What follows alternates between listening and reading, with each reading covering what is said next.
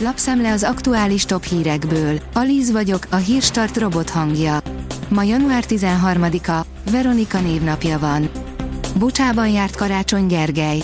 A főpolgármester szerint Magyarországnak nem csak erkölcsi kötelessége, hanem érdeke is ebben a konfliktusban az ukrán nép oldalára állni, írja a 24.hu.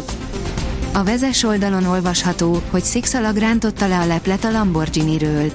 Nem egyedi eset, de mindig meglepő, amikor kiderül, hogy egy méregdrága autóhoz filléres alkatrészeket használnak. Meghalt Liza Marie Presley, Elvis Presley lánya.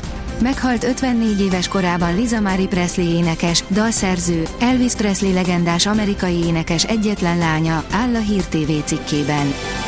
A napi.hu oldalon olvasható, hogy Erdogán és a lengyel kormánypárt alatt is rezeg a lécidén. Számos izgalmas és sorsdöntő politikai összecsapás vár ránk a 2024-es választásokon. Erdogán török elnök szénája egyelőre nem áll túl jól a közvéleménykutatási adatok szerint, ahogy az argentin elnök helyzete sem bíztató, de a spanyol és a lengyel kormányt is megszorongathatja az ellenzék. Veszélyt jelenthet az e-autók nagyobb tömege. A hatóságok attól tartanak, hogy a nagyobb tömeg növeli a halálos kimenetelű balesetek kockázatát, írja az Autopro. A Forbes kérdezi, fafeldolgozástól az űriparig, hogy jutott a 4IG a NER, majd a Vodafone közelébe.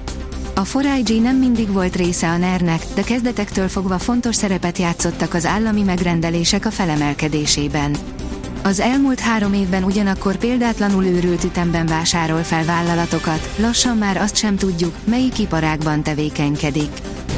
A növekedés szerint rengeteg vállalatnál gond a generációváltás, a gyerekek nem akarják átvenni a cégeket. Azok a tulajdonosok, akik a 90-es években alapították a vállalkozásaikat, már a gyakran már a 70-es éveiket tapossák és nincs aki átvegye a cégeiket. Ez tömeges jelenség. A magyar mezőgazdaság oldalon olvasható, hogy csempészáru lett a hagyma. Elképesztő magasságokba szökött az egyszerű vörös és fehér hagyma ára a Fülöp-szigeteken. Többe kerül, mint a hús. Becsületes nepper, ne legyenek illúzióink, egyhamar nem fog csökkenni a használt kocsikára. Ne appelláljunk arra, hogy olcsóbbak lesznek a használt autók Magyarországon, a jó állapotú példányok ára pedig egyre jobban elszakad az átlagosakétól mondta a pénzcentrumnak a becsületes nepper néven ismert Kronéra Fistván, írja a pénzcentrum. Azaz én pénzem írja, rejtélyes fordulat a kriptocsődben. Bár az FTX kriptotős milliárdos kárt okozó csődje megrengette a kriptovaluták piacát tavaly novemberben, most hirtelen váratlanul nagyon jó hírt kaptak a pórul járt befektetők. Kinek lehet hinni a szövevényes ügyben? A botrány legfrissebb fejleményeiről számolunk be. Privát teszt elhangol a Ferrari az új Forma 1-es szezonra. Január utolsó hetére egy háromnapos tesztnapot bonyolít le Fioranóban a Ferrari Forma 1-es csapata, hogy a lehető legjobban felkészítse versenyzőit a 2023-as szezonra, áll az F1 világ cikkében. A büntető.com írja, a vártnál kisebb ellenállásba ütközött a magyar válogatott a VB nyitányon.